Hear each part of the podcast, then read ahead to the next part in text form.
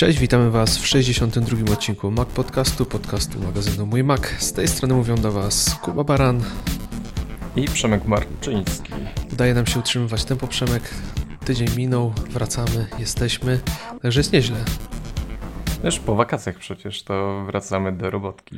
Energia jest, jak widzicie, staramy się jak możemy. No to zaczniemy chyba, bo ostatnio nie mogłeś skończyć, tak ci się podobał temat zegarka. Jak tam Przemek zegarek po tygodniu kolejnym użytkowania na gorąco? Mm, aha, no to wypytujesz mnie znowu, a to nie jest naszym głównym tematem odcinka dzisiaj. Mm, słuchaj, jest, jest dobrze, jest dobrze. Pierwsze, mm, widzisz, nie pamiętam o czym mówiłem ostatnio.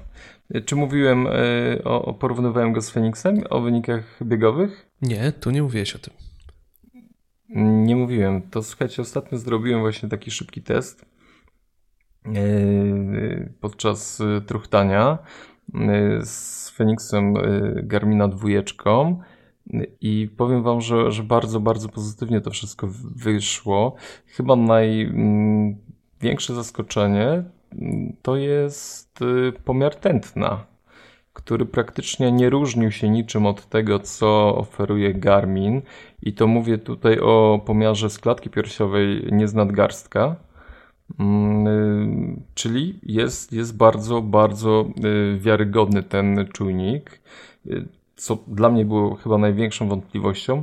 Natomiast ta nowa opcja, która wyróżnia serię trzecią, pomiar wysokości, no tutaj były dość spore rozbieżności mm, pomiędzy Apple Watchem a, a Phoenixem. No kilku metrów nawet.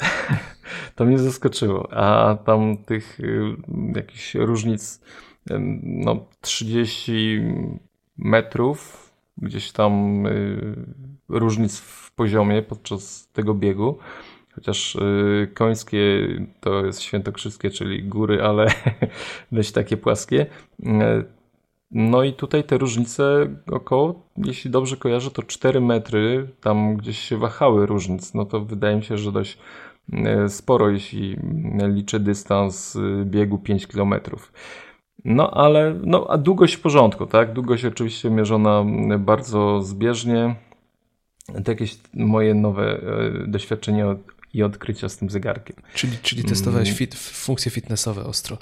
Ale tak jak mówisz o tym e, badaniu tętna, no to pamiętam, że chyba przy Series Zero już były robione testy i rzeczywiście już wtedy ten czujnik był bardzo e, dobrze skalibrowany. I te odczyty rzeczywiście się zgadzały z różnymi, bardziej profesjonalnymi urządzeniami, ale to co do tej wysokości to ciekawe, bo w sumie w trakcie biegu mógłby się jeszcze posiłkować GPS-em, jakieś przekłamania weryfikować i poprawiać, a tutaj mówisz, takie dziwne rzeczy ci się pojawiają. No, mówię, mówię tylko o różnicach, które y, pojawiły się między mm, no, dla mnie jest no, może wyznacznikiem jakości y, sprzętu biegowego i jakby ufam mu na tyle, że no, chyba się nie powinien mylić, aczkolwiek kto wie, może, może w tym przypadku Apple Watch wypada lepiej. Mówię tylko o różnicach, ale no mówię, byłem zaskoczony, że aż taki y, duży skok w wynikach był. Tak, no nie wiem, nie wiem z czego to wynika. Spróbuję jeszcze kilka razy się przebiec z tymi mm, dwoma urządzeniami na nadgarstkach i, i zweryfikować to. No ale, ale ogólnie coś tam się y, dzieje mm, nie tak. To ciekawe, ciekawe. W sumie, e, jak ktoś z naszych słuchaczy może sobie porównywał to, co ciekawe, czy też macie podobne mm, spostrzeżenia, dajcie znać koniecznie. No bo tutaj byłbym no bo, zdziwiony, po... gdyby rzeczywiście taki problem się pojawił i takie przekłamania byłyby jakieś konkretne, no bo tutaj, tak jak mówisz, coś ewidentnie jest nie tak. Warto dodać, że właśnie ta, różnica, y, jakby ten pomiar wysokości ma wpływać też na dokładność pomiarów długości biegu. No to w tym momencie gdzieś tam się te rzeczy rozmijają. A co ciekawe, mimo tych różnic, bo wiem w którym miejscu y, to było wzniesienie y, i mimo tego, że bieg trwał dalej i y, co kilometr jest, mam sygnalizację, że mm, właśnie przekroczyłeś kilometr biegu, I te pikania były w bardzo zbliżonych y, momentach. Także ta kalibracja wysokości do długości biegu y, dziwnie to się zachowuje, bo mówię, dystans ciągle zbieżny, a te wysokości dość mocno różne. Mm, to ciekawe, ciekawe. To będziemy, będziemy weryfikować te problemy.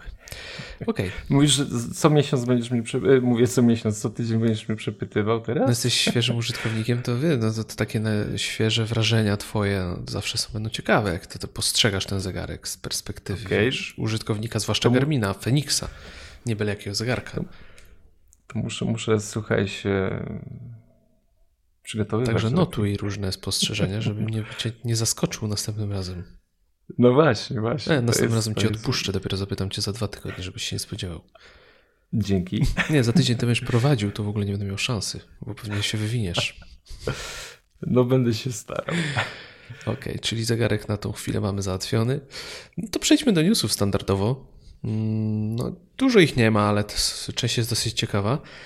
Mm, iPhone 8 jak wychodzi na to, że sprzedaż y, tego telefonu jest na całkiem dobrym poziomie, mimo tego, co większość osób uważa, że to może nie jest do końca udany model, że nie będzie się dobrze sprzedawał, to ja nie wierzyłem tak naprawdę, e, bo to jest świetna słuchawka, tak czy siak, że zwłaszcza pod względem technologii. E, skąd o tym wiemy? No wiemy o tym stąd, że e, Foxconn zaraportował mm, swoje zarobki i jak wiemy, wielka część tego, ile Foxconn zarabia, wynika z produkcji iPhone'ów.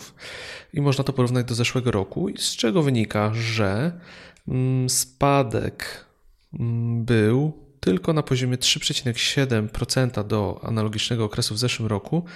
E, chodzi o miesiąc, o, o wrzesień bodajże. Mm, a wzrost z poprzedniego miesiąca jest 42,4%, więc myślę, że możemy śmiało tutaj wnioskować, że iPhone spowodował ten wystrzał. Powiem Ci, że mnie to nie dziwi, bo y, mówi się o tym, że że po iPhone 8 nie stały kolejki pod sklepami, że, że ludzie się nie ustawiali już dzień wcześniej, że nie było tak jak zawsze, że salony nie były pełne ale tak naprawdę te, te kolejki to nie była ta główna sprzedaż. No, nie stały pod nimi nigdy 4 miliony ludzi na przykład, żeby je wykupić, a ta sprzedaż i tak była zawsze na dobrych poziomach, bo masa ludzi wykupuje je później u resellerów, u mm, operatorów i wcale nie chce nawet stać w tych kolejkach, żeby się pokazywać na tych zdjęciach, no bo im na tym zupełnie nie zależy. A jak spojrzy się na specyfikację iPhone'a 8, no to jednak jest, wiesz, no to, się od tego 10 iPhone'a nie różni. iPhone'a ten e, specyfikacją oprócz ekranu, oprócz tego, że nie ma tych ramek i to jest naprawdę topowy sprzęt, więc wydaje mi się, że to nie jest dziwne, że, że ten telefon się najzwyczajniej w świecie dobrze sprzedaje. No, zdecydowanie nie jest dziwne, y, szczególnie, że wszyscy mieliśmy dostęp i wydaje mi się, że logistyka przygotowania sprzedaży tego telefonu, y, zadbanie o magazyny była znacznie lepsza niż y, w poprzednich edycjach sprzętu, bo on był dostępny po prostu. Y, my również w Polsce nie musieliśmy długo czekać, miesiąca czy tam dwóch na pojawienie się tego sprzętu u nas i nie trzeba było jechać do Berlina.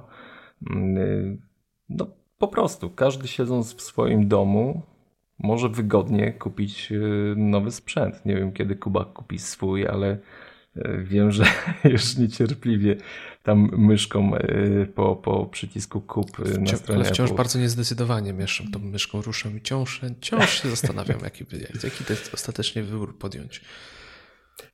To jest chyba też kwestia tego, że no, ten iPhone X y, jeszcze y, jakby burzy twój pełny spokój.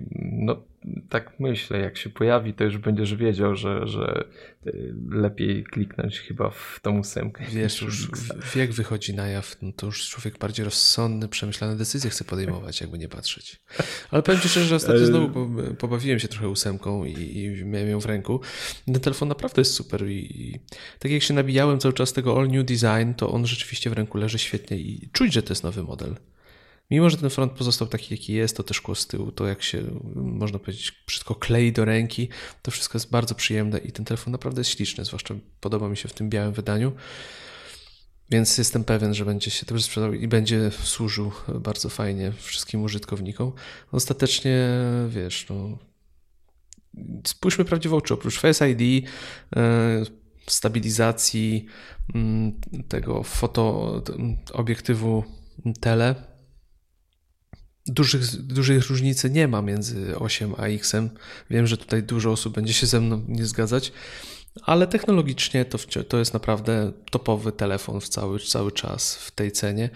I w gruncie rzeczy, nawet myśląc o tym, zastanawiam się, że e, mogli tak naprawdę nie dawać takich parametrów w tym iPhone 8 jednak. A to jest technologicznie najbardziej zaawansowany iPhone i nie, nie odbiega praktycznie od tego modelu ekskluzywnego, możemy tak nawet, na niego nawet mówić w tej chwili. Tak, no iPhone X nie dostał najważniejszej części, która mogła być y, dedykowana temu modelowi, czyli procesora innego niż ten, który jest w iPhone 8. To są te same procesory, a to jest zawsze najważniejsza rzecz każdego yy, no, telefonu czy, czy komputera, tak. I te, w tych dwóch modelach mamy dokładnie to samo serce bijące równym rytmem. Myślę, że to jest yy, no, duży argument za tym, żeby jednak yy, skusić się na ósemkę. Także nie jesteśmy oboje zdziwieni, jak widać, tą sprzedażą i, i kibicujemy iPhone'owi 8. Niech żyje, niech żyje. No i jeszcze chyba przekonują e, informacje, które dobiegają, zresztą też z Foxcona, że iPhone X będzie w dość mocno y, okrojonej ilości dostawał się na rynek, wręcz przelewał się jakimś tam drobnym ciurkiem y, z Chin do, do nie, nie wiem czy w ogóle do Europy, ale do Stanów Zjednoczonych. Kiedy on dotrze do Europy, tak naprawdę to chyba nikt nie wie, bo oczywiście w następnym tygodniu, dobrze mówię, w następnym tygodniu ma być dwa, ma być możliwość szumnie Chociaż powiedzieć nie, rzeczywiście, za półtora tygodnia tak naprawdę. Tak, no za półtora tygodnia. No ale kiedy on będzie dostępny, tego nikt jeszcze nie wie, dopiero jak teoretycznie pojawi się na półkach sklepowych w sieci, to ta informacja będzie tam widoczna, że za trzy miesiące wyślemy do Was to urządzenie. Także no, to wszystko gdzieś tam też y, podbija sprzedaż y, ósemki.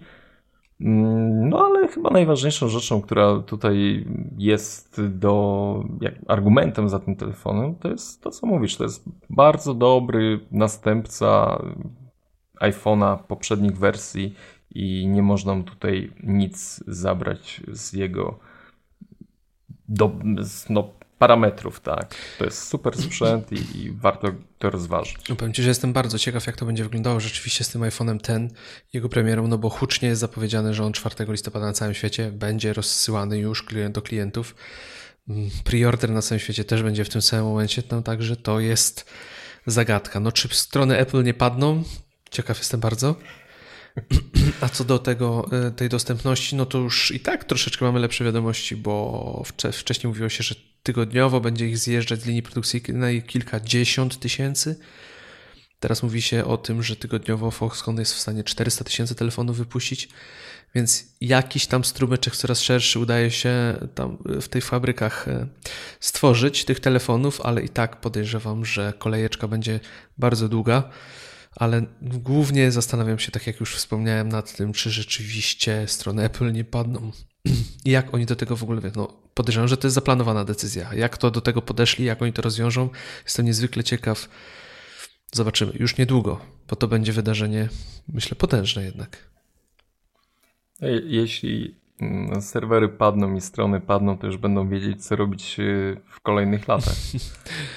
Znowu, znowu okaże się, że Y, kraje y, te uboższe otrzymają to urządzenie później i nikt nie będzie wiedział dlaczego, a tylko problemem jest tak naprawdę przepustowość serwerów Apple. No, Może tak będzie. Ciekawa sytuacja, naprawdę ciekawa. Zobaczymy, jak to będzie wyglądało. Może nas zaskoczą, może mają tego naprawdę dużo, chociaż myślę, że to dobry żart. Kolejny news, dość ciekawy i dość istotny, jakby nie patrzeć dla mieszkańców Europy.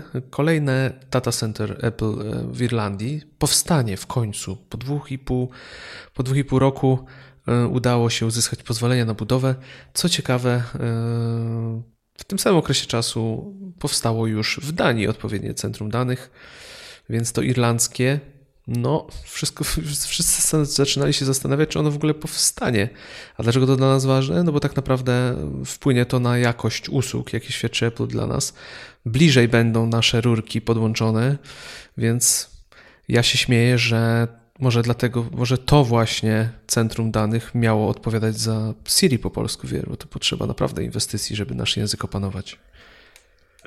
No, Siri, iMessage, iTunes, mapy, to wszystko będzie y, teraz przechodzić przez y, Irlandię.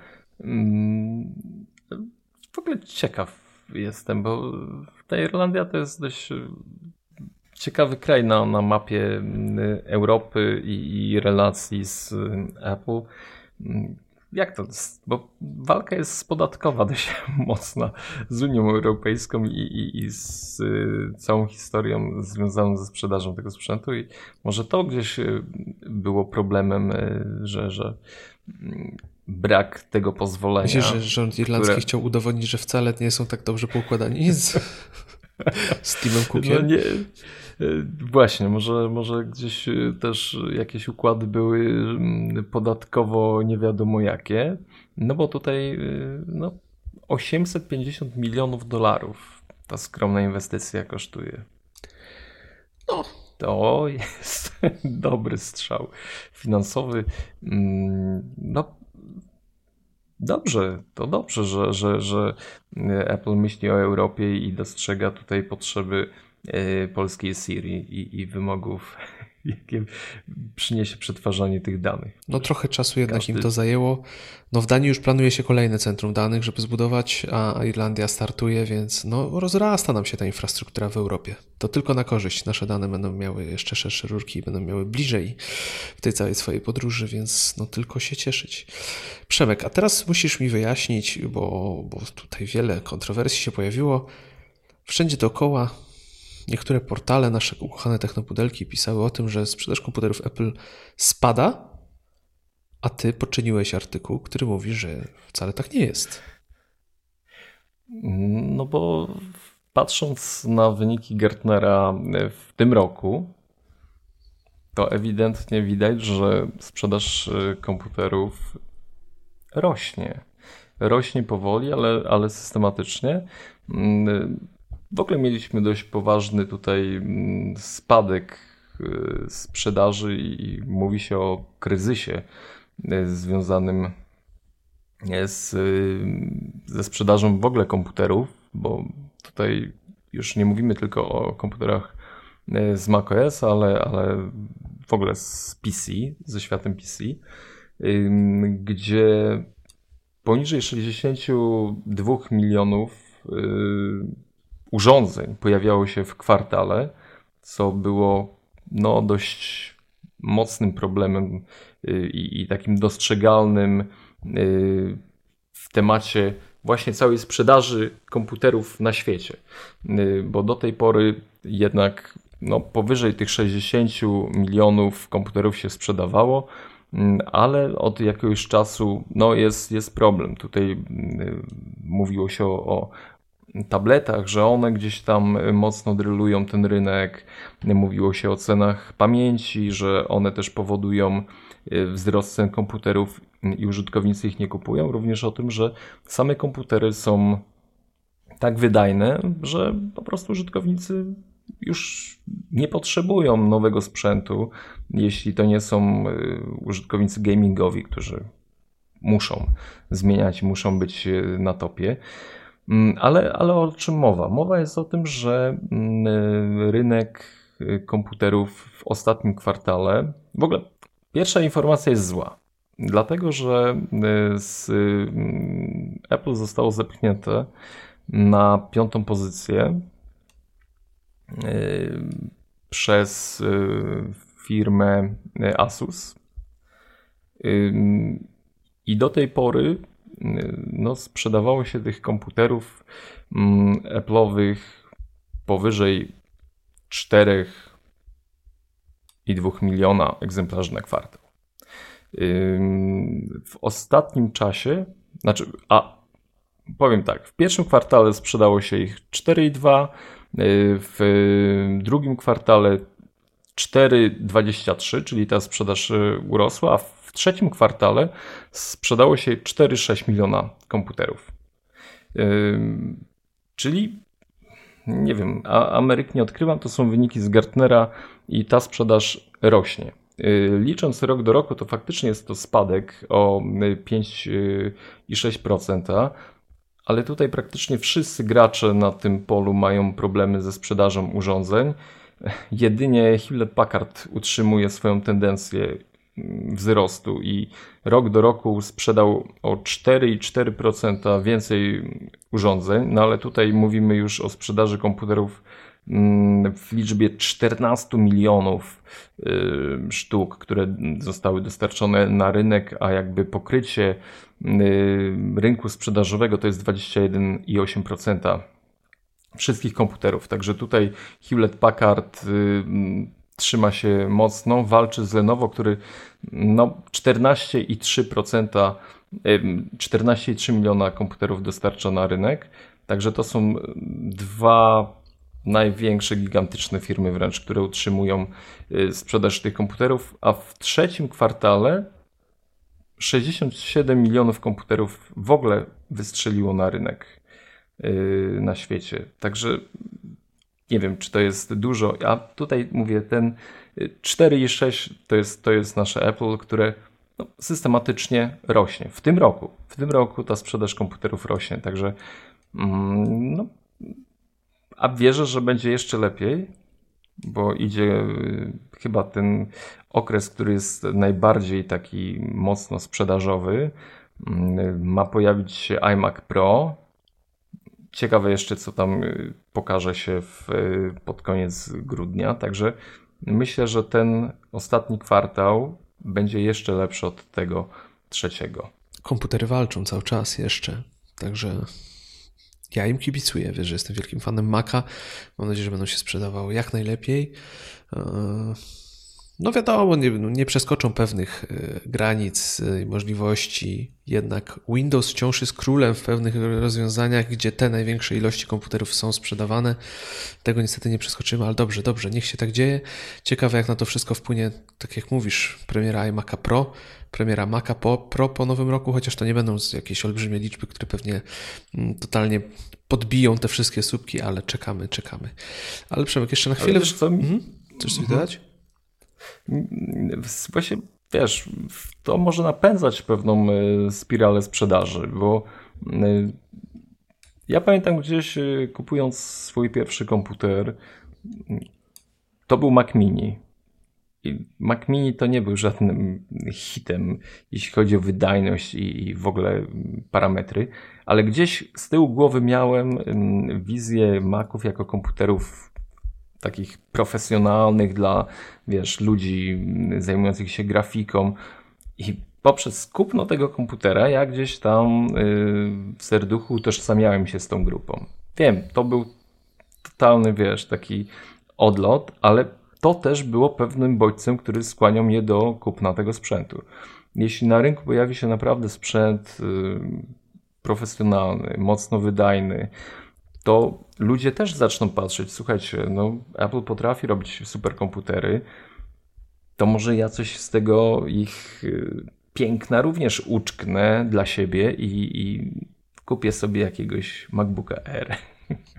Wiesz, to też tak działa, temat sprzedażowy i to gdzieś tam pod naszą psychiką mm, chcemy być tak jak ci zawodowcy, którzy zajmują się, który, którzy pracują na, na tym sprzęcie Apple'owym mm, Mówię, to, to jest jakiś tam bodziec y, drugorzędny oczywiście, ale my jesteśmy zwykłymi ludźmi i po prostu gdzieś też to na nas działa. Jeśli widzimy, że jakaś firma ma urządzenia pro rozwiązań, tak samo jak kupujesz jakiś rower chociażby.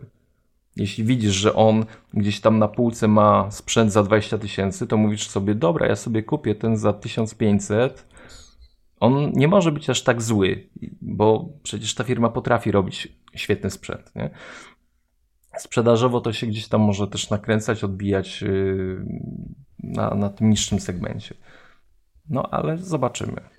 To dość dobre porównanie, bo to podobnie jest na przykład ze sprzętem audio marki high-end często, czy często pojawiają się nieraz produkty tańsze, wejściowe. Wiesz, dla niewielu osób to jest jakiś jedyny pułap, w którym mogą liznąć, powiedzmy, tego brzmienia, sygnatury i potem to kończy się tym, że biorą kredyty, sprzedają domy i kupują sprzęt audio. Nie, żartuję oczywiście, chociaż audio, no. audiofilia jest ciężką chorobą. E, no ale tak właśnie jest. To, to, to przyciąga to, że to jest marka premium, ale zawsze jakoś tam ten próg wejścia gdzieś jest, to jest super, chociaż teraz ten próg jest troszkę zaniedbany jednak, bo te MacBooki R i, i Maci Mini no niestety nie, nie są obiecującymi komputerami, jeżeli się spojrzy na ich parametry, no ja ich z czystym sercem niestety polecić w tej chwili nikomu raczej bym nie mógł, jakby nie patrzeć. Jeszcze, jeszcze z tą sprzedażą y, w ogóle komputerów, to wydaje mi się, że rynek w pewnym momencie zachłysnął się mm, tabletami. Ale potem właśnie takim, y, wiesz, y, wow, na tym można zrobić dużo rzeczy, ludzie łapią się na tym, że kurczę, no jednak to nie jest takie wygodne. iOS 11 wydaje mi się znowu dokręci tutaj śrubę i może, wiesz, okazać się konkurentem na tym polu dla, dla zwykłych użytkowników domowych, bo, bo ten system naprawdę potrafi robić ciekawe rzeczy. Ale mimo wszystko, gdzieś to, wiesz, zakup, yy, przemyślenie tego zakupu, reakcja na zakup, to, to trwa w linii takiej sprzedażowej, w czasie. Może dochodzimy właśnie do tego momentu, gdy, gdy, gdy ci użytkownicy, którzy kupili swoje tablety, mówią, kurczę, no jednak ten tablet z Biedronki no nie dał rady, nie? Rozsypał się już tam po tym roku. No może czas jednak wrócić do komputera, nie? No zobaczymy, jak to wszystko będzie wyglądać, ale mam nadzieję, że też kibicuję komputerom, niech to ładnie nam się rozwija. No oby, oby. Chociaż tak jak mówisz, mm, jeżeli chodzi o tablety, to no, większość rynku się zachłysnęła. Apple się nie zachłysnęło, bo wiedziało co chyba, co chce dalej z tym robić i przetrwali to, ten, ten momentalny kryzys. No w tej chwili rynek tabletów praktycznie chyba nie istnieje. Są jakieś zabawki według mnie sprzedawane, a jednak no, iOS 11 pokazał, że tablet to jest sprzęt do pracy. To jest doskonałe narzędzie, z którego można wygodnie korzystać, chociaż też trochę cierpliwości użytkowników musieli nadwyrężyć, żeby to prowadzić go do tego stanu, w jaki jest raz, ale będzie już tylko lepiej. No, nie wyobrażam sobie, że mogłoby być inaczej. I ten sprzęt myślę, że nie umrze po prostu w wykonaniu Apple. Ciekawe co inni, czy zrobią drugie podejście, czy jednak sobie odpuszczą. Ale wydaje mi się, że w tej chwili chyba jednak sobie odpuszczą. Teraz szukają hybryd, tak? Komputer z wyjmowanym ekranem, Y, komputero iPad z tak, przyklejoną to, to też jest od lat i to też jakoś się specjalnie nie przyjęło. To nigdy nie było ani, to nie był, wiesz, to nie był ani dobry komputer, ani dobry tablet tak naprawdę. Właśnie, dokładnie, bo to jednak ten system operacyjny musi być dedykowany pod konkretne urządzenie i pod ten gruby paluch, który mamy i którym macamy po ekranie. No, nie da się wszystkiego, przynajmniej na dzisiaj, nie da się tego jakoś sensownie połączyć. Nikomu się to jeszcze nie udało. Komu się uda, ten chyba wygra ten wyścig mm, urządzeń mobilnych. Okej, okay, to wróćmy jeszcze Przemek na chwilkę do iPhone'a X, iPhone'a 10. E, analitycy moi ulubieni, kochani, twierdzą, że w 2018 roku możliwe, że Apple w ogóle porzuci Touch ID i wszędzie będziemy mieli Face ID. Co o tym myślisz, krótko i zwięźle? Tak. Tak będzie? Tak będzie. Mi się wydaje, że nie. W 2019 tak, ale nie wcześniej przyszłym roku. A, okej. Okay. Nie, nie. Mm. Ja uważam, że iPhone 9, tak jak kiedyś już mówiłem, to jest moment, kiedy za rok będziemy mieli iPhone 9 i dopiero za dwa lata tym takim standardowym modelem będzie iPhone 10. Wtedy wydaje mi się, że tak, ale jeszcze nie za rok. Wydaje mi się, że nie, to jest za wcześnie jeszcze na to, żeby to się... Za, drogie, za droga tak, technologia. Tak, też. Poza tym nie wystrzelą hmm. raczej tych wszystkich modeli. W przyszłym roku odpadnie może 6S, zostanie 7, więc myślę, że tak się po prostu nie wydarzy. Znaczy, widzę, jak rozwija się 3D mm, Touch. I troszeczkę smuci mnie fakt, że jeszcze iPady nie mają tego rozwiązania zaimplementowanego. I Kurczę, no tutaj, tutaj faktycznie ten rok 2018 może być sygnałem mm, do, że, że to za wcześnie, że ta technologia jeszcze nie. Ale ogólnie jestem przekonany, że mm, Face ID wyprze mm, Touch ID. To było dość tak mocno zasugerowane na, na konferencji prezentującej iPhone'a 10 gdy mówili o tym, że mm, wiesz, zazwyczaj oni nie porównują mm, tak przynajmniej kojarzę, że, że mieliśmy gorsze rozwiązanie, teraz dajemy wam coś mhm. lepszego. Nie ma, nie, nie ma tego. A tu było dość wyraźnie zaznaczone, że Face ID ten algorytm bezpieczeństwa jest znacznie, znacznie lepszy od y, tego, co, co y, oferuje Touch ID.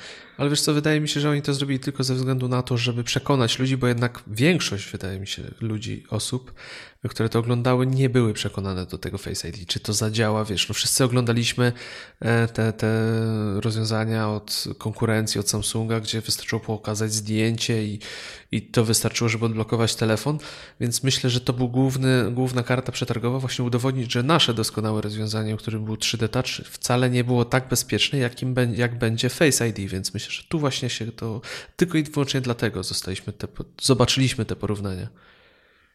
Y, dobra, może tak być y, i, i, nie dziwię się naszemu, że jesteśmy sceptyczni co, co, do tego, co do tej technologii, bo ona jest po pierwsze nowa i nie wiemy jak ona działa z tymi zdjęciami, bratami, bliźniakami i, i tymi wszystkimi y, trudnymi rzeczami wokół nas. Ale już to zasygnalizowanie faktu, że to jest bezpieczniejsze, czyli my chcemy w naszych urządzeniach y, dawać użytkownikom najbardziej bezpieczną technologię, dla mnie jest y, wyraźnym sygnałem do tego, że słuchajcie, za chwilę, za jakiś czas, nie wiem, 2018, 19, 20, Face ID będzie standardem we wszystkich urządzeniach. Także myślę, że tutaj temat ogólnie jest bezdyskusyjny. Pytanie właśnie, no możemy dyskutować kiedy. Kiedy, tak. No ale wydaje mi się, że to, to jest przesadzone, ten 2018. Zbyt optymistycznie. Myślę, że za 6, a jednak za rok. No dobra, no, nie będę się kłócił. Nie będę się kłócił. No, zobaczymy, zobaczymy. Za rok możesz zobaczymy. mnie z tego po prostu, wiesz, wyspowiadać, jak to nagadałem. Chciałbym mieć, chciałbym mieć na rynku iPada z nowym procesorem, który siedzi w, w iPhone'ie, ósemce, ósemce. Możliwe, że będziesz ósemce. To, to jest wcale nie taki e, scenariusz, wiesz, odległy. Jeżeli jest w ósemce, to czemu nie w iPadzie jakimś odświeżonym w przyszłym roku? Dokładnie tak. 3D y, Touch w iPadzie i Face ID w iPadzie. Poproszę. To, to ja ci załatwię, zadzwonię do Tima i coś tam spróbuję ogarnąć dla ciebie. Ogólnie przy, przyspiesz to. Ja coś, coś, coś wymyślimy. Coś wymyślimy. To co to? Przejdziemy chyba do głównego tematu naszego odcinka. E, inteligentny dom. Jak to poważnie brzmi, nie uważasz? No mam nadzieję, że on będzie inteligentny. Że, że te maszyny będą inteligentne. Ale tak, no dzisiaj troszeczkę o HomeKicie. Dokładnie, HomeKit. Eee, no to Przemek, masz urządzenia HomeKitowe w domu, czy nie? Właśnie nie mam urządzeń HomeKitowych i yy, troszeczkę można powiedzieć, że, że no wstyd, kurczę, od, od yy, po tak długim czasie. Przypomnijmy, że HomeKit został zaprezentowany pierwszy w czerwcu 2014 roku. Wyobraź sobie 2014 na WDC, jakby w świecie technologii to jest no, historia, już kawał historii można powiedzieć. Prehistoria że, prawie. Że, prehistoria. I pierwsze urządzenia dopiero pojawiły się po roku, tam gdzieś pokazano dopiero jak ten system cały ma działać. Mm, a nie wiem, czy zgadniesz, to będzie taka zagadka. Przepraszam, że będę tutaj cię ten wypytywał. Jakie pierwsze, jaka firma stworzyła pierwsze urządzenie z HomeKitem? Były cztery te firmy. No to teraz mi zdaj zagadkę. Strzelaj. Mm, Belkin. Nie Belkin. W ogóle taką Nie, wydaje pierwszą... mi się, że chyba gniazdko jakieś było. Tak, Wimo. Tak, było światło. było, było światło, y, ale taką, takim pierwszym urządzeniem to w ogóle firma, której osobiście nie znam, nie kojarzę i chyba na polskim rynku jest y, nieobecna, to Lutron. I ona zrobiła taki zestaw gniazdko, światło. A to coś trafiłem, że gniazdko. Ale firmy nie znam. Gnia... Słuchaj, na gniazdko trafiłeś idealnie, bo mówi się również o Elgato Eve. A, widzisz, Gnia... Elgato. O gniazdku. Elgato zrobiło gniazdko, to znamy. Znamy też firmę iHome. Nie, nie jestem pewien, czy ona jest, sprzedaje produkty w Polsce, ale chyba jest w Apple Store coś od nich. I Ecobee zrobiło termostat. Tak, Ecobee właśnie no, też myślałem o Ecobee, bo to chyba był jeden z, właśnie jedna z pierwszych firm, która weszła. No ale widzisz, tu dochodzimy do, do, do tego, o co głównie mi chodziło, czyli HomeKit na rynku już oficjalnie od 2014 roku. A zobacz, taki fan jak ty, firmy Apple, nie ma urządzeń, te, które są w tym system, z tym systemem kompatybilne, więc chyba coś poszło nie tak. Mm, poszło nie tak chyba z moim portfelem w pierwszej kolejności, ale... Mm, nie no, wytłumaczę Dobrze, cię, wytłumaczę cię. No. No jednak no, implementacja tej usługi, a wykorzystanie możliwości dla producentów no, były mocno ograniczone dotychczas. To, to nie było proste stworzyć urządzenie z HomeKitem, zwłaszcza, że musiał on, autoryzacja była szczególnie utrudniona, bo wszystkie urządzenia musiały przejść w oczywiście autoryzację Apple, certyfikację, plus musiały zawierać sprzętowy chip, który odpowiadał za, za autentykację z tym całym systemem, więc to nie było łatwe. No i były drogie przez to, tak? Mm, drogie te urządzenia i powiem ci, nie miałem potrzeby. Jakoś gdzieś coś, y, no po prostu. Nie zawsze musisz mieć y, rzeczy, które, które gdzieś tam y, na rynku się pojawiają, dopiero rosną. Mm, ale nie zmienia to faktu, że już chcę Powoli chcesz. No ale zobacz, jeszcze, jeszcze do, dobijając tutaj leżącego, no to musimy powiedzieć, że tak, od, tak jak powiedziałeś już i powtórzymy to któryś już raz, w 2014 wystartował HomeKit, ale aplikacja DOM zawitała dopiero w zeszłym roku, tak, do nas, do iOS-a, jeżeli dobrze pamiętam. Oni też, też do tego dorastali. Dokładnie. W ogóle jak patrzę, mm, patrzę na firmy, które yy, wiszą na tej ścianie, yy, firm, które wspierają HomeKit, yy, no to tak naprawdę y, nie ma ich tak dużo, jak można było się spodziewać po takim czasie. Wiesz, pamiętasz, y, jak y, Apple wprowadzało usługę do, do aut?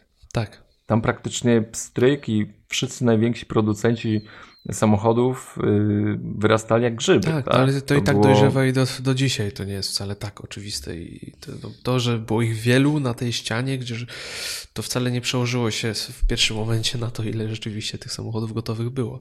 Zresztą branża nie, samochodowa okay. w ogóle wolno się rozwija technologicznie, jakby nie patrzeć. To tak, to jest trudne.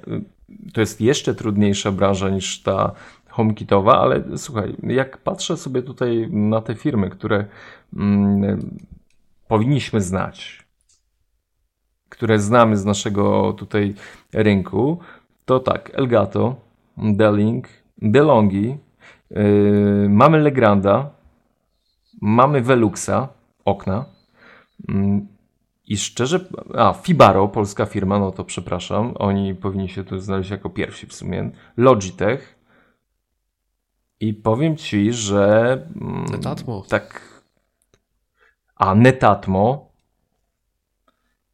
I to byłoby chyba na tyle z firm, które, których logo kojarzę tak, tak na szybko, wiesz? Mhm. Ale powiem ci, że to mm. ja, no wiadomo, to w tym roku myślę, że jesteśmy, to będzie ten przełom. Najbliższy czas to, to będzie wysyp urządzeń. E, zwłaszcza, że tak jak już e, wspomniałem wcześniej, Apple zmieniło trochę politykę możliwość dopięcia urządzeń do, do tego systemu będą dużo, dużo bardziej e, łatwe dla producentów, jako że teraz autentykacja będzie mogła być software'owa, więc mało tego, doczekamy się też aktualizacji już istniejących urządzeń, które niestety HomeKita wsparcia nie miały. Właśnie przed chwilą wspomniany NetAtmo już zapowiedziało, że za chwilę ich kamery otrzymają pełne wsparcie dla HomeKita, którego nie posiadały. Mm, Philips bodajże już dla swoich żarówek Hue e, takie aktualizacje wprowadził, że one są z HomeKitem już aktu- e, kompatybilne. Tak. Tak samo IKEA. No, IKEA weszła w rynek inteligentnego domu, zaczęła tworzyć oświetlenie, które dotychczas z HomeKitem nie było kompatybilne. Jest zapowiedziana aktualizacja, która tą kompatybilność wprowadzi. Więc to będzie, myślę, przełom. W tej chwili zacznie się moment, gdzie ten HomeKit zacznie żyć. No, on się długo rozwijał od jednak od tego 2014 roku. Już w zeszłym roku dostaliśmy na miastkę tego, tej aplikacji DOM, no, która w tym roku jeszcze z iOS 11 yy, rozwinęła się. Różne sceny scenariusze nowe, możliwość generowania ich, mm, współdzielenie e, też tych scenariuszy z innymi użytkownikami, konfigurowanie ich dla naszej rodziny na przykład, to wszystko się pojawiło, no więc jesteśmy na dobrej drodze. To wszystko zaczyna nam się rozwijać i myślę, że dopiero ten strzał takiej e, popularności tych usług będzie po prostu się pojawiał coraz, coraz bardziej. I w ogóle myślę, że gdzieś trzeba znaleźć właśnie punkt wejścia w te urządzenia. Bo powiem Ci, do tej pory ja, mm, mnie odstraszała cena i przechodziłem obok tego sprzętu. Gdzieś tam zerkając przez ramię, że, że fajnie by było mieć możliwość monitorowania tego, co jest w domu, jakiś mm, czujnik ruchu, mm, nie wiem, czujnik zalania, czujnik oświetlenia. To, był, to tak sobie myślałem, że fajne byłyby to rzeczy, ale to chyba jeszcze nie ten czas, bo, bo nie te pieniądze. Jakoś tak, jakiś wewnętrzny sknera się we mnie budził. Wiesz co, tylko na chwilę ci przerwę, wydaje mi się, że to też nie jest do końca wewnętrzny, znaczy jest może wewnętrzny sknera, sknera, sknera bo e, ciężko też czasami wytłumaczyć sobie tę zasadność wydania tych pieniędzy, bo jednak nie do końca idą za tym korzyści finansowe jakimś za tym, żeby ten inteligentny dom mieć. Trzeba to dobrze przemyśleć i odpowiednio sobie zaplanować, żeby takie korzyści wynosić. Ale to, na, to tylko chciałem Ci na chwilę przerwać jeszcze, za chwilę później. Mhm. Um, ale powiem Ci, gdy, gdy miałem um, możliwość um, zabawy kamerą Delinka Omna, to zrobiło na mnie wow. I to powiem Ci szczerze, e, gdy sobie tak pomyślałem, jakby uświadomiłem sobie, jak ten HomeKit działa, jak wygląda ta konfiguracja tych urządzeń, że to jest tylko zeskanowanie mm, e, kodu QR, który jest e, na, na urządzeniu, jak to fajnie się komponuje w, właśnie w aplikacji Home, jak można tutaj tworzyć jakieś te automation, te, te sceny, sobie pomyślałem, kurczę, jest niesamowity potencjał w tym urządzeniu, w tych urządzeniach i, yy, i chcę to mieć. To, to było takie, wiesz, moje, moje jakieś, znowu odezwał się ten, ten drugi głos w, w, we mnie i, i mówi, to są urządzenia, które mogą stworzyć naprawdę ciekawe rozwiązania w domu, nie? Jak się z tego zacznie korzystać, to to wciąga, to prawda. No ja mam trochę urządzeń e, nieoficjalnie, nieoficjalnie co prawda, nie, część z nich nie wspiera HomeKita oficjalnie, e, ale mam je podpięte, bo są na to sposoby. W nowym numerze magazynu będziecie mogli o tym przeczytać. Bo myślę, że możemy zdradzić już w tej chwili nawet, że jak będzie temat nowego numeru. Pewnie no, się już domyślacie. Bo... bo, bo rozmawiamy tutaj. E, no, HomeKit będzie. Inteligentny dom ogólnie tematem numeru. No i kilka urządzeń właśnie, które wspierają i HomeKita i, i urządzenia z iOS-em, czyli mają swoje aplikacje, no będziecie mogli poznać. Mhm. A tam będzie działo się dużo ciekawych rzeczy. W ogóle, no Kuba, powiesz, e, tutaj zdradzisz nam na pewno za chwilkę, jak, jak wygląda ten proces konfiguracji, ale jak potem sobie wrócicie do wydania, będziecie mogli na spokojnie usiąść i, i przeczytać, bo Kuba tam mm, stworzył fajny materiał do tego, no, zachęcający zresztą. A w ogóle Kuba, ty masz przecież e, właśnie mm, tworzysz ten cykl związany z Netatmo. To tak, tak. Tych urządzeń przez twoje ręce przewinęło się naprawdę dużo. I jakość i, i, i, co prawda cena nie jest najniższa, ale jakość jest jak naj, najlepsza tych produktów. Tak, mam, nie, nie wszystkie są z HomeKitem e, kompatybilne, chociaż wiem, że kamery za chwilę dostaną właśnie, tak jak już mówiłem, aktualizację. Mm, niestety stacja pogodowa nie ma, nie ma wsparcia, na razie nic nie wiadomo o tym, czy je dostanie, ale można to podpiąć przez odpowiednią modyfikację, przez e, Homebridge, o czym przeczytacie w magazynie. Chciałbym się tutaj na tym punkcie E, rozdrabniać, ale tak, mam. I tak jak mówiłeś, konfiguracja tego, podłączenie e, jest bardzo fajnie, przystępnie zrobiona. No jest zrobiona po Apple'owu, czyli e, skanowanie kodu QR, czy wpisanie go z ręki praktycznie rozwiązuje cały, cały problem. Wszystko jest ładnie przedstawione w aplikacji DOM, chociaż należy pamiętać o tym, że jeżeli chcecie mieć dostęp do tych danych, mm, będąc poza domem, musicie niestety albo stety posiadać Apple TV lub iPada, który będzie stanowił taki wewnętrzny hub. Nie wiem, czy Przemek o tym wiedziałeś. No, wiedziałem, ponieważ miałem możliwość testowania A, tych no urządzeń tak. z HomeKitem. Tylko nie, nie jestem pewien, y, ty na pewno to wiesz, y, Apple TV od której generacji jest urządzeniem, które wspiera właśnie bycie hubem e, HomeKitowym. No, od trzeciej czy czwartej? Nie, od czwartej. Trzecia wydaje mi się, że nie, chociaż nie testowałem, ale obstawiam, że Chyba nie. czwarta. Tak, czwarta, mhm. czwarta, bo ona już ma nowy soft i, i wydaje mi się, że wcześniej tej możliwości nie ma. Możecie sprawdzić, ale wątpię w to. E, także od czwartej wersji. Ale mówię, e, jeszcze wracając do tych urządzeń, które posiadam, to tak jak przynajmniej mówiłeś, ciężko znaleźć ten punkt wejścia. No ja sobie po prostu ustaliłem, że chcę mieć jakąś wymierną korzyść z tego, że, że te urządzenia sobie wpinam do, do, do mojego domu i chociażby może nie przyniosą mi realnych korzyści finansowych, to chcę, żeby mogły pozwalały mi na sterowanie pewnymi elementami. Więc no, jednym z pierwszych urządzeń, jakie od NetAtmo w moim domu się pojawiło, to był termostat, który steruje piecem grzewczym. I to rzeczywiście daje taki pogląd, i to bardzo sobie chwalę tego, jak ten piec pracuje, jak na przykład nagrzewa się mój dom, jak szybko wytraca temperaturę. To pozwala jakieś scenariusze sobie ciekawe do tego dopisywać. Mm, co za tym idzie? Następne stacje pogodowe, bo to wiesz, jak wiesz już w jednym pomieszczeniu jaka jest temperatura, no chcesz też wiedzieć na przykład w drugiej części mieszkania, jak to wygląda. To wszystko jest ciekawe, interesujące i, i daje fajny pogląd na, na te informacje. Ale tak jak mówię, w tej chwili głównie przyciąga mnie to, że po prostu mam dobry wgląd, fajnie zorganizowany, dostępny z zewnątrz do tego, jak wygląda sytuacja w moim domu i na zewnątrz, bo też mam czujnik deszczu, czujnik wiatru. Mm, I to daje na przyszłość dużo fajnych możliwości, ale sam nie kupiłem dużo sprzętu jeszcze do domu, żeby uzbroić go w te, te inteligentne urządzonka, ponieważ tak jak mówisz, koszt jest dość wysoki, a ja nie widzę wymiernych korzyści. No na pewno chciałbym e, ogarnąć sobie sterowanie na przykład bramą garażową, czy zamkiem do drzwi, chociaż tutaj mam jakąś barierę psychologiczną przed tym, że jednak nie wiem, czy chciałbym, żeby coś podłączonego do internetu odpowiadało za to, czy moje drzwi są otwarte, czy zamknięte. Chociaż z drugiej strony patrząc, no i tak większość ludzi, większość włamywaczy wchodzi oknami, więc nie wiem, czy to by do końca mi pomogło. Nawet jakby drzwi były otwarte przez przypadek, ale tutaj jakaś tam blokada psychiczna jest. No na pewno oświetlenie później będzie miało, będzie się pojawiało u mnie w domu, no bo już wiem, że wyłączenie tele światła w sypialni bez wstawania z łóżka to będzie, to wiesz, to, to jest wygoda, która chyba nie zna ceny. Jej wartość jest nie, nie do, po prostu nie do przeliczenia.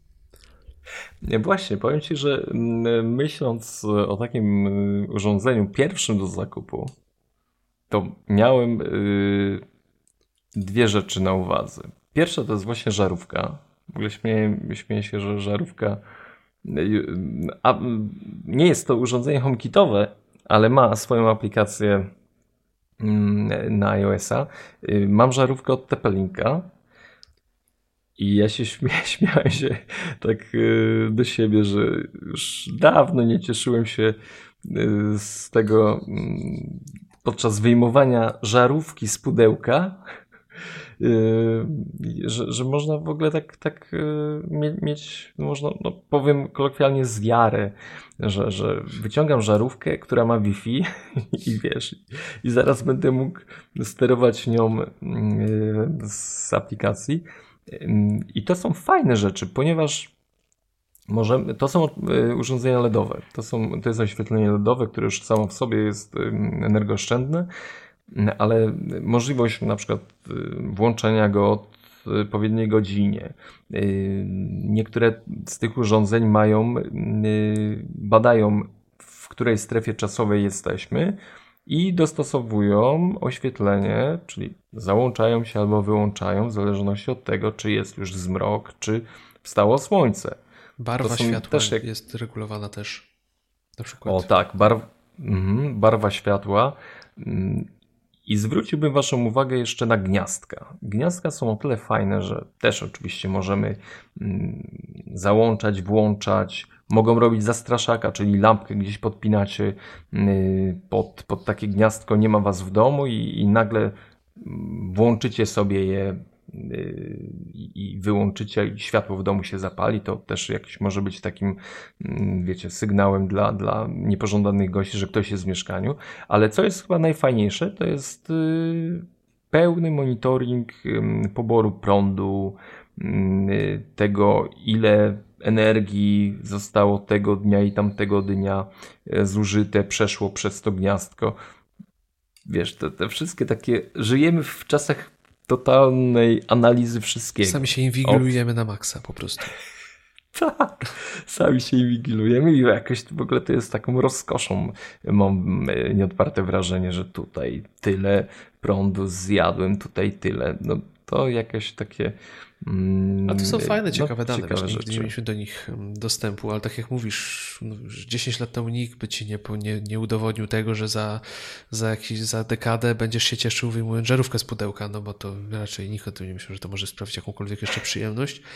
Ale przypomniałem no, mi się historię, jak mój znajomy sobie skonfigurował właśnie inteligentny dom, a jak wyjeżdżał na wakacje, to sobie wpiął e, gniazdko tam, gdzie miał sprzęt podłączony, cały RTV Mm, żeby móc go wyłączyć, żeby nie był w stand-by'u w momencie, jak on wyjedzie.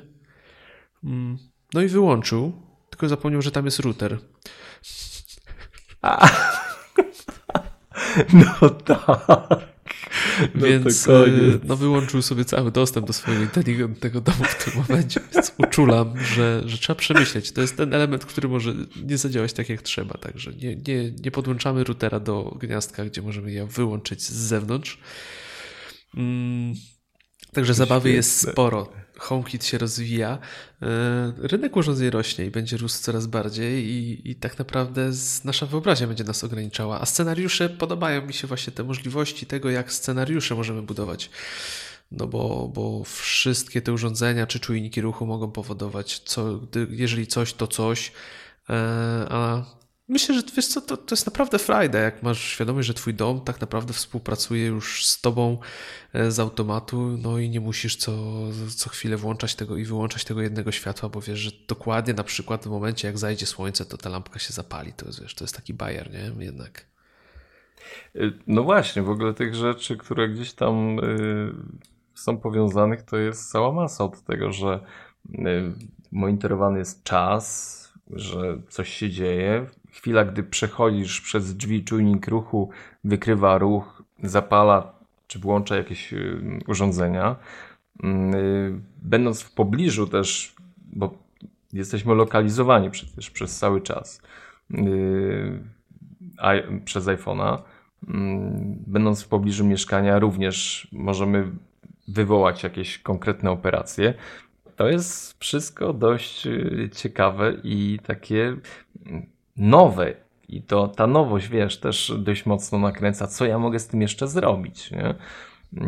Tych, tych rzeczy, scenariuszy jest cała masa, a w tych nowych rozwiązaniach HomeKitowych, no to właśnie jakby ciągle, ciągle pojawiają się nowe rzeczy, tak, że, że o tej godzinie możemy coś włączyć, jakieś akcesorium jest kontrolowane przez inne właśnie zbliżanie się do mieszkania. Tych, tych elementów zaczyna być coraz więcej i one są dokładane. To, o czym mówiliśmy, że mm, bolączką HomeKita jest y, mała funkcjonalność tych urządzeń, bo, no bo właśnie coś tam, mowa była o bezpieczeństwie i, i za tym y, firmy się kryły, czy, czy Apple się kryło. To się zaczyna zmieniać. To zaczyna być coraz y, no, bardziej takie otwarte i, i coraz więcej tych rzeczy jest wdrażanych. Ale tutaj chyba jest właśnie też zasługa tych, tej certyfikacji MFI, która, która gdzieś tam mm, zaczyna działać prężnie i, i ona ciągle, ciągle mimo wszystko jest y, przez urządzenia wymagana. Mm, czyli MFI to jest program Made for iPhone, iPod, iPad i jej początek to jest 2005 rok. Też y, przechodziła to, to, to swoje jakieś y, zmiany, gdzie chyba w obecnej formie to jest wrzesień 2012 w chwili pojawienia się przewodów z Lightningiem Apple mówi, słuchajcie, to jest sprzęt, który ma działać i ma y, kwestie bezpieczeństwa ogarniać. Kto będzie chciał wchodzić mocniej w temat wykorzystywania urządzeń, czy samego koprocesora, czyli tej przestrzeni takiej, y, która jest zamknięta y, dla, dla urządzeń z iOS-em, to musi mieć ten certyfikat. I powiem Wam, że tych urządzeń, które są wymagane przez y, właśnie Apple, żeby miały ten certyfikat, to jest właśnie na przykład y, ładowarka bezprzewodowa, to są kable y, lightningowe, to są akcesoria, to, są, to jest w ogóle odtwarzacze AirPlaya. Ja ciągle płaczę, dlaczego mój Heos nie wspiera AirPlaya. Ciągle płaczę. I on nie, nie ma tego MFI. No on się nie lituje i, się AirPlay nie pojawia.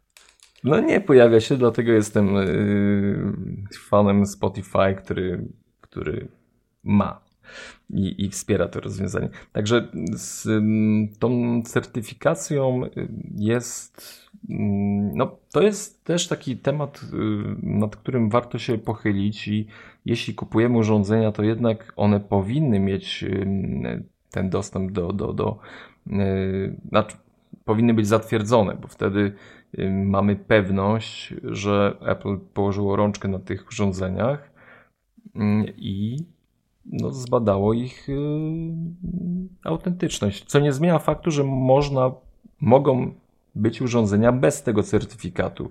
I wtedy dużą zmianą jest to, że urządzenie może być, dostajemy o tym komunikat i możemy klepnąć, że idziemy dalej, używamy tych urządzeń, ale to już jest na naszą odpowiedzialność. I, i osobiście to nie wiem, czy to jest dobre rozwiązanie.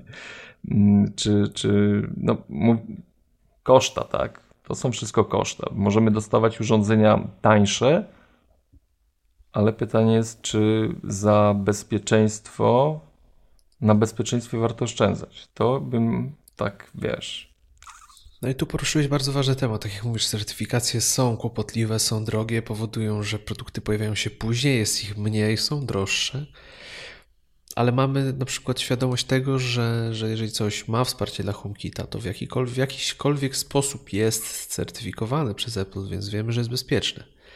A głównym kłopotem zwłaszcza w kontekście inteligentnego domu i w ogóle Internet of Things, czyli wszystkich urządzeń, jakie wpinamy do sieci we własnym domu, jest to, że to bardzo często są urządzenia niebezpieczne. Tanie sprzęciki, które daje się podłączyć do internetu, mają jakąś aplikację, są u nas w domu, tak naprawdę mogą być totalną furtką dla, mm, nie wiem, dla Chin czy dla hakerów, którzy po prostu skanują codziennie, cały czas. Znaczy, hakerzy nie skanują, roboty odpowiednio skanują takich, szukają takich urządzeń, które są otwarte i wpuszczamy je do własnej sieci. To jest bardzo duży temat tego, jak zabezpieczyć e, inteligentny dom, te wszystkie urządzenia, które mamy. Mm, ogólnie mówiąc krótko, najlepiej dla takich urządzeń stworzyć VLAN, czyli wirtualną sieć w sieci. Tu już nie będę się zagłębiał w szczegóły techniczne, ale odizolować je od komputerów, od naszych serwerów NAS. Niech to sobie śmiga osobno, jest odizolowane, żeby tego dostępu nie było. Także uprzedzam Was również przed tym, żeby nie podłączać byle czego do internetu, co jest w naszej sieci, no bo jest tak naprawdę może narażacie się też na niebezpieczeństwo.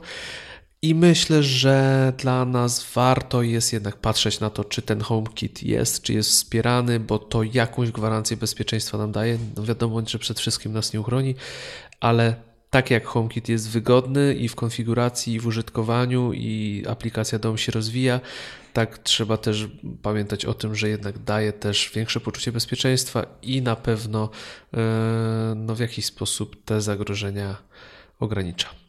No myślę, Przemek, że na dzisiaj ja... wystarczy chyba o HomeKicie. Nie wiem, jak uważasz. W magazynie Jedną będzie wyczerpująco, tylko... wszystko jeszcze będzie można doczytać, a my może jeszcze znajdziemy sobie kolejne tematy do zgłębienia. Zresztą myślę, że nasi ukochani słuchacze dadzą też nam znać, o czym chcieliby jeszcze posłuchać w tym kontekście. Jedną rzecz tylko dopowiem w temacie bezpieczeństwa. Jak sprawdzić, czy urządzenie posiada certyfikat MFI?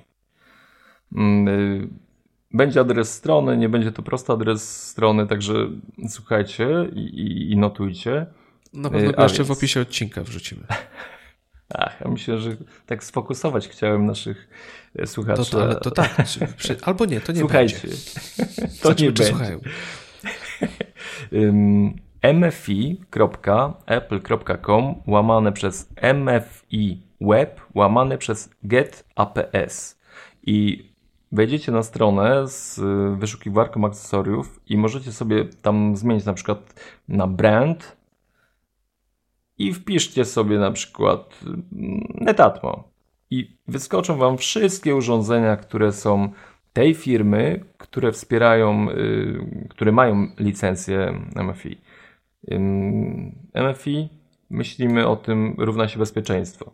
To jest rzecz, na której nie, nie chcemy oszczędzać, bo Kuba zasypie. nie, słuchajcie, Kuba wstał w pół do piątej. Docencie, czwarta trzydzieści.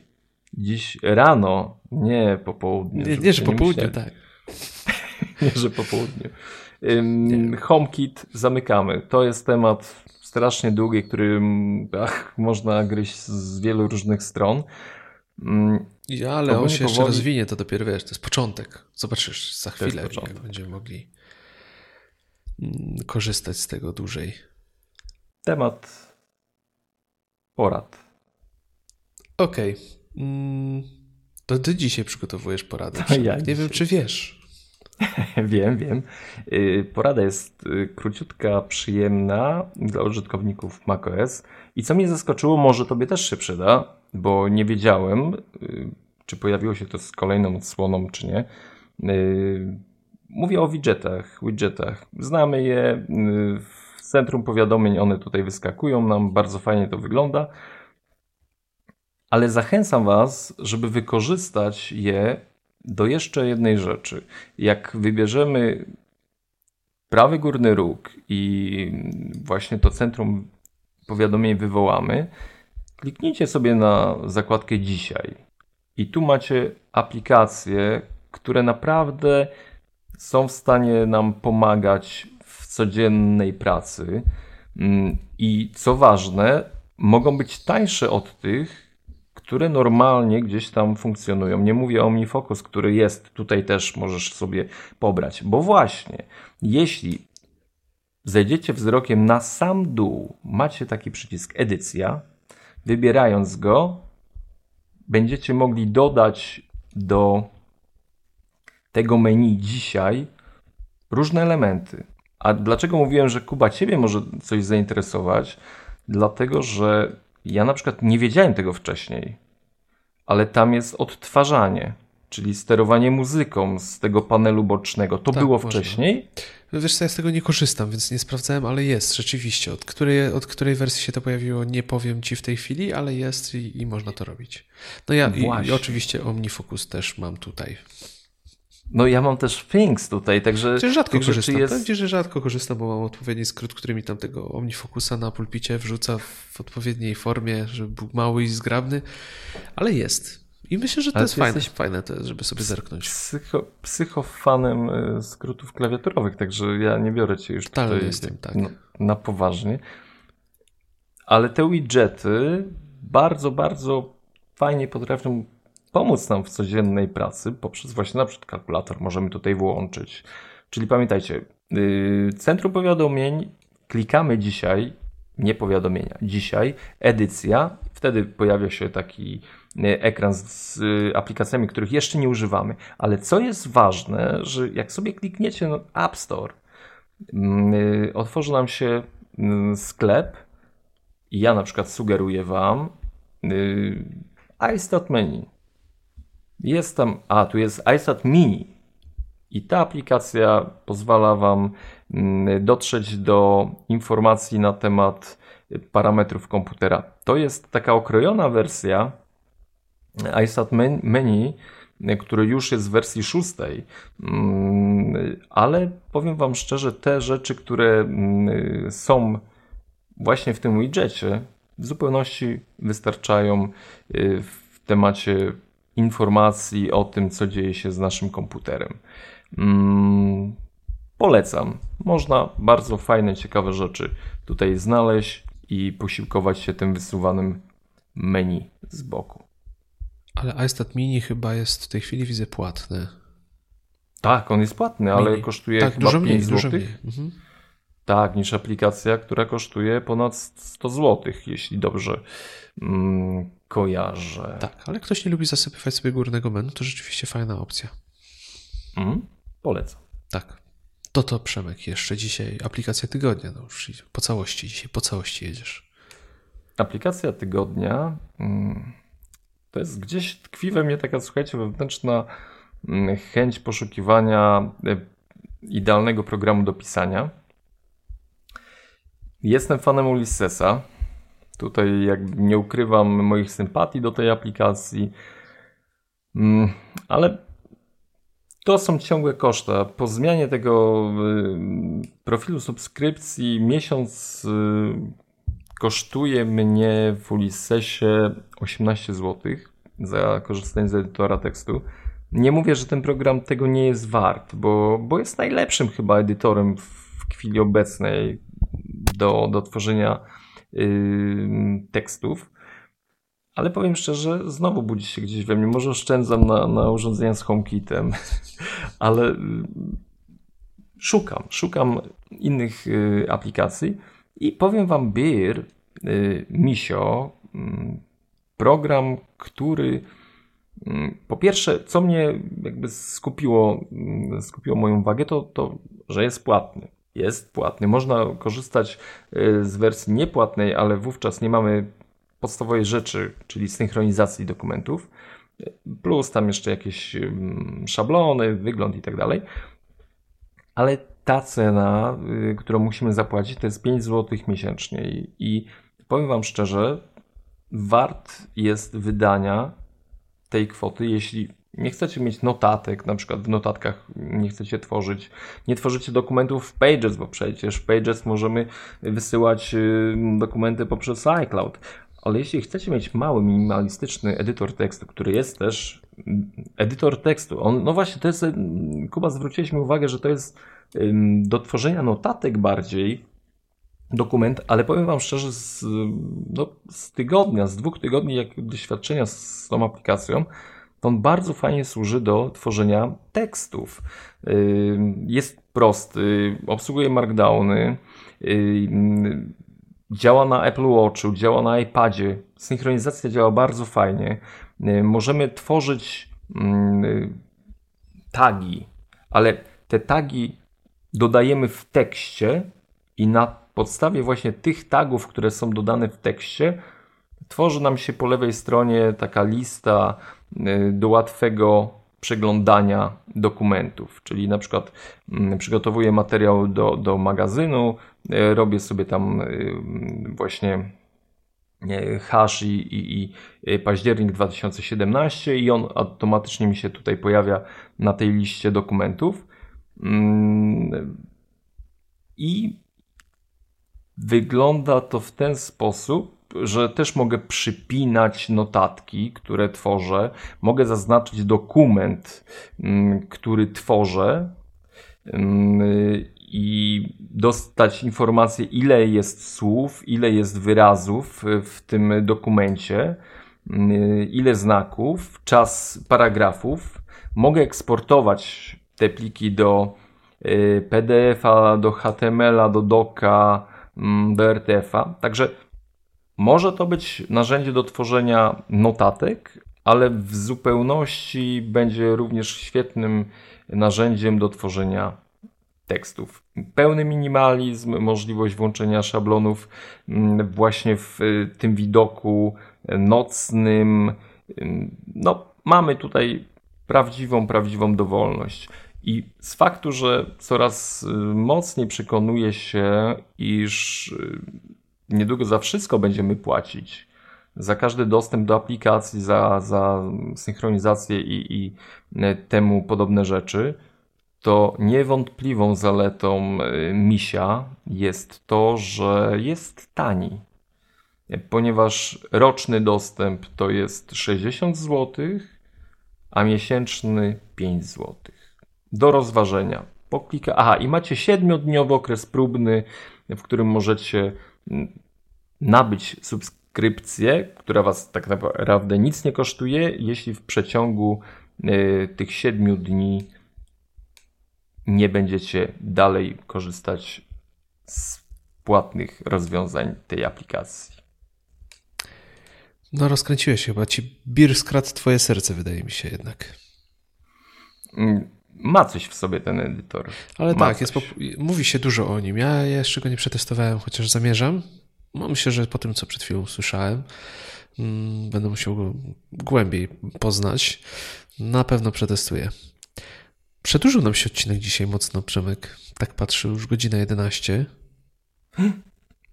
No cóż, to znowu coś poszło nie tak. HomeKit, kurczę, to jednak... Tak wiesz, delikatnie, kręca. po troszeczku, a jednak trochę czasu nam to zeżarło. No także nie przedłużając, no za chwilę już magazyn o HomeKicie. Kiedy premiera? W poniedziałek. Także w poniedziałek możecie dużo, dużo dobrej lektury na Was będzie czekało w Waszych skrzynkach mailowych. E, standardowo. Śledźcie nas na Twitterze, wspierajcie nas na Patronite, komentujcie, odzywajcie się do nas. No to będziemy się powoli żegnać, Przemek. Czy jeszcze coś O jednej rzeczy ogłosić? zapomniałem. Mów. Słuchajcie, aplikacja y, Mój Mac Magazyn w iTunes pojawiła się nowa wersja 1.1. Macie możliwość synchronizacji czytania y, poprzez iCloud, czyli czytacie sobie na iPadzie, jesteście w tym i tym wydaniu na stronie 50, przychodzicie na iPada, uruchamiacie to wydanie i możecie przejść automatycznie do ostatnio czytanej strony. I to jest Bardzo zmiana. fajna rzecz. To jest zmiana. Podoba mi się. Zmiana. Akceptuję. Pobierajcie to. i komentujcie też, słuchajcie, y, oceniajcie mm, tą aplikację, sugerujcie nam, co tam trzeba dodać, co zmienić, ale będziemy wdzięczni, żebyście ją podbili w iTunes trochę wyżej.